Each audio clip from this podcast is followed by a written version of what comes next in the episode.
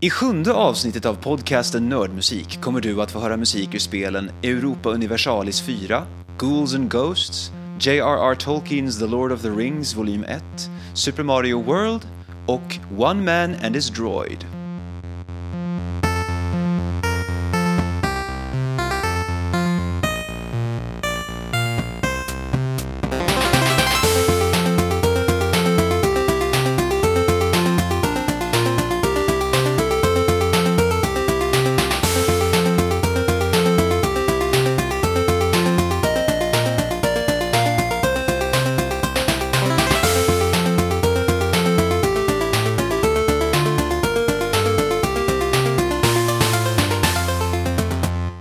Det svenska spelförlaget Paradox Interactive är framförallt känt för storslagna datorstrategispelserier som Hearts of Iron, Crusader Kings, Victoria och Europa Universalis.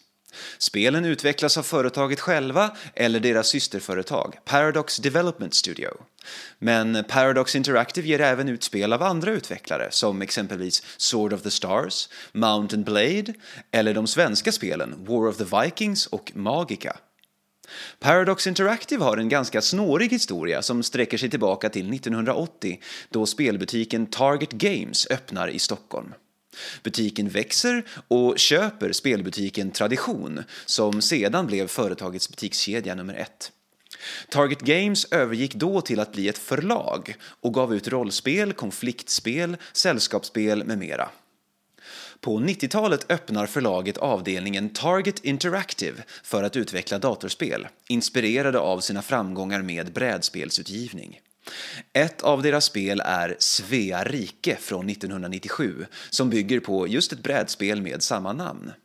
Datorspelet, som tar sin början när kung Gustav Vasa löser upp Kalmarunionen 1523 och pågår fram till år 1818, blev mycket populärt och eh, ledde också till debatt om huruvida datorspel kan användas för inlärning i exempelvis skolarbete. Svea rike fick två uppföljare, även de historiskt korrekt uppbyggda liksom det första spelet. Svea rike 3, släppt år 2000, var ett av de första spelen som utvecklades och gavs ut av Paradox Entertainment. Samma personer som tidigare hetat Target Interactive men bytt namn i samband med att företaget Target Games genomgått rekonstruktion. Paradox Entertainment övertog alla produkter från Target Games, såväl datorspel som annat. 2004 knoppades datorspelsavdelningen av och blev till slut Paradox Interactive. Det första Europa Universalis-spelet släpptes samma år som Svea rike 3 och bygger även det på ett existerande brädspel. Brädspelet Europa Universalis är för övrigt ökänt för att en enda spelomgång kan ta flera veckor att spela klart. Hittills har fyra delar i Europa Universalis datorspelserien släppts och en femte lär vara på väg. De två senaste spelen har originalmusik av den svenske tonsättaren Andreas Waldetoft. Han har arbetat åt Paradox Interactive sedan 2005 och fick 2013 en heltidsanställning hos företaget som kompositör. Waldetoft själv säger att hans svåraste uppgift är att skriva musik som inte blir tröttsam att lyssna på efter många och långa spelsessioner. Han skriver storslagen, romantisk orkestermusik som för tankarna till såväl vemod som hjältedåd. Här är ett dramatiskt musikstycke från Europa Universalis 4, Ride Forth Victoriously.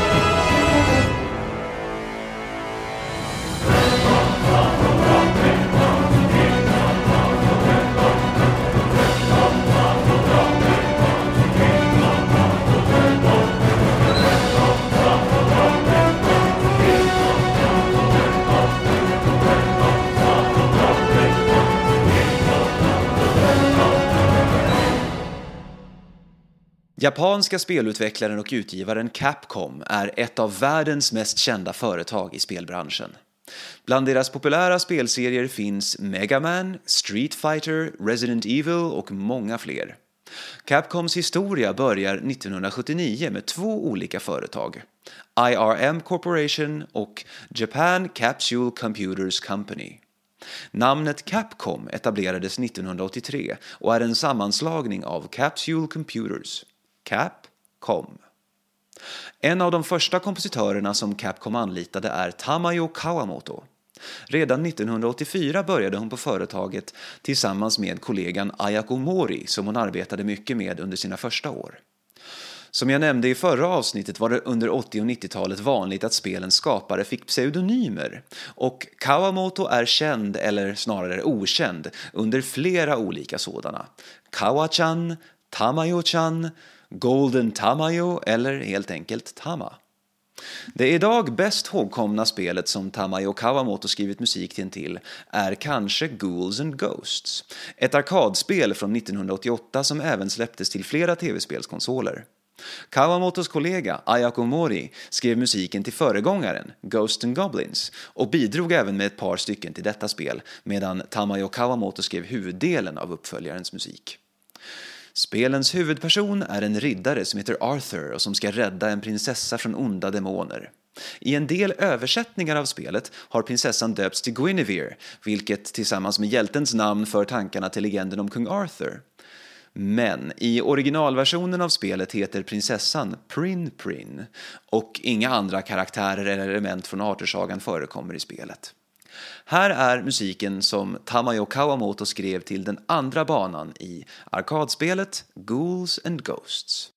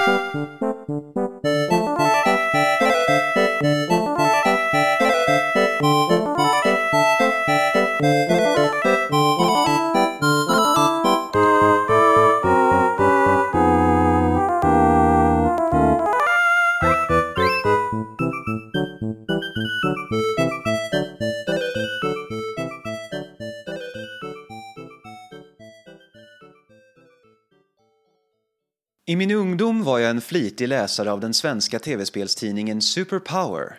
I varje nummer recenserades ett antal nysläppta spel som betygsattes mellan 1 och 100 för sin grafik, ljud med mera, samt fick ett totalbetyg. Det spel som jag tror har fått lägst betyg i tidningens historia är J.R.R. Tolkiens The Lord of the Rings, volym 1 till Super Nintendo från 1994. Det fick genomgående 4 av 100 i allt och sågades jämte fotknölarna. Det här minnet har jag burit med mig sedan dess.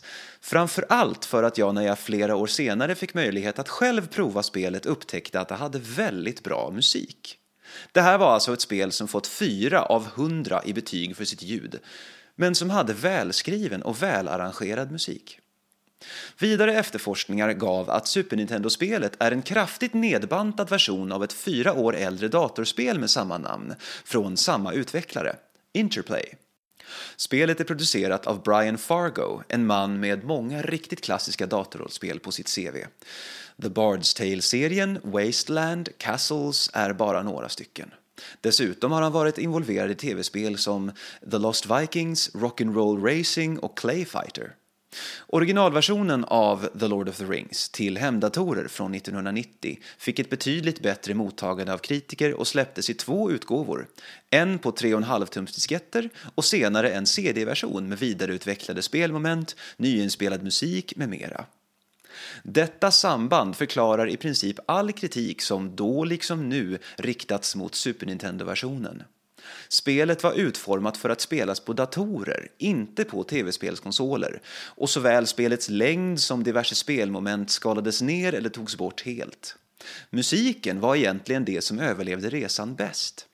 Spelet bygger på första boken i trilogin om Härskarringen och ytterligare två var planerade.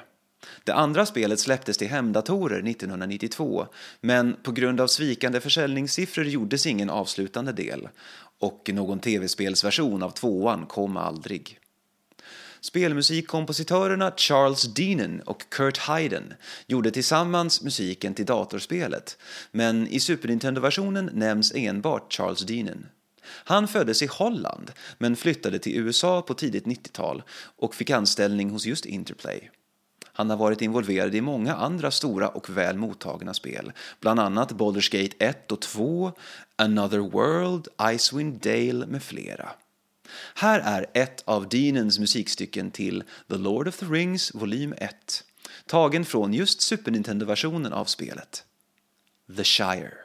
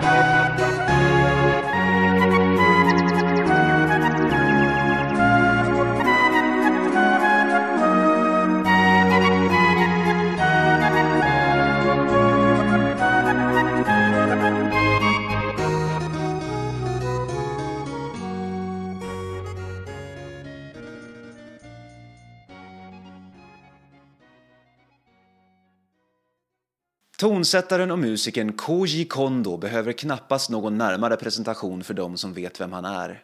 Sedan 1984 har han jobbat som ljuddesigner och kompositör på Nintendo i Japan och han ligger bakom dussintals musikstycken som har trängt in i var och ens medvetande, bortom gränserna för spelkulturen. Han är mannen bakom musiken till Mario och Zelda-spelen, Starwing med mera. Tillsammans med Hirokazu Tanaka, eller Hip Tanaka som han också kallas, och eh, Yukio Kaneoka var han en av de första på Nintendo som anställdes för att sköta ljud och musik. Koji Kondo började som barn spela elorgel och i tonåren blev han tillfrågad om att spela keyboard i ett japanskt coverband. Bandet spelade jazz, rock och progressiv rockmusik, framförallt av grupper som Deep Purple och Electric Light Orchestra. Just de två grupperna nämner också Kondo som två av hans främsta musikaliska inspirationskällor, men även till exempel den ryske tonsättaren Sergej Rachmaninov.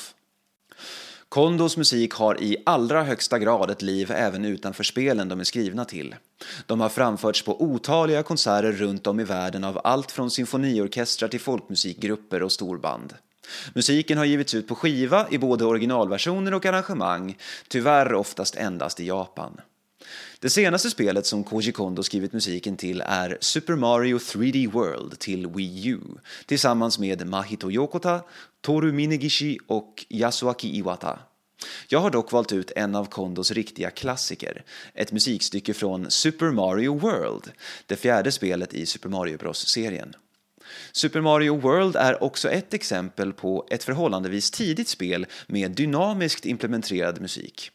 Alltså musik som påverkas av vad du som spelare gör. Under spelets gång kan man rida på en snäll dinosaurie som heter Yoshi. När du rider på Yoshi läggs trummor eller andra slagverksinstrument på musiken. Lyssna efter det. Här är Athletic.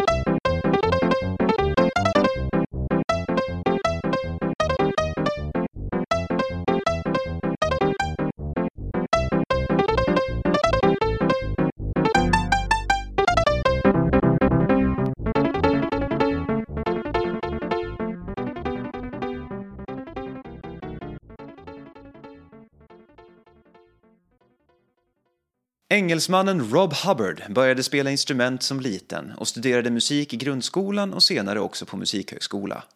Efter studierna försörjde han sig som studiemusiker. Han hyrdes in vid skivinspelningar med olika band eller artister men utan att vara en fast medlem i någon enstaka ensemble.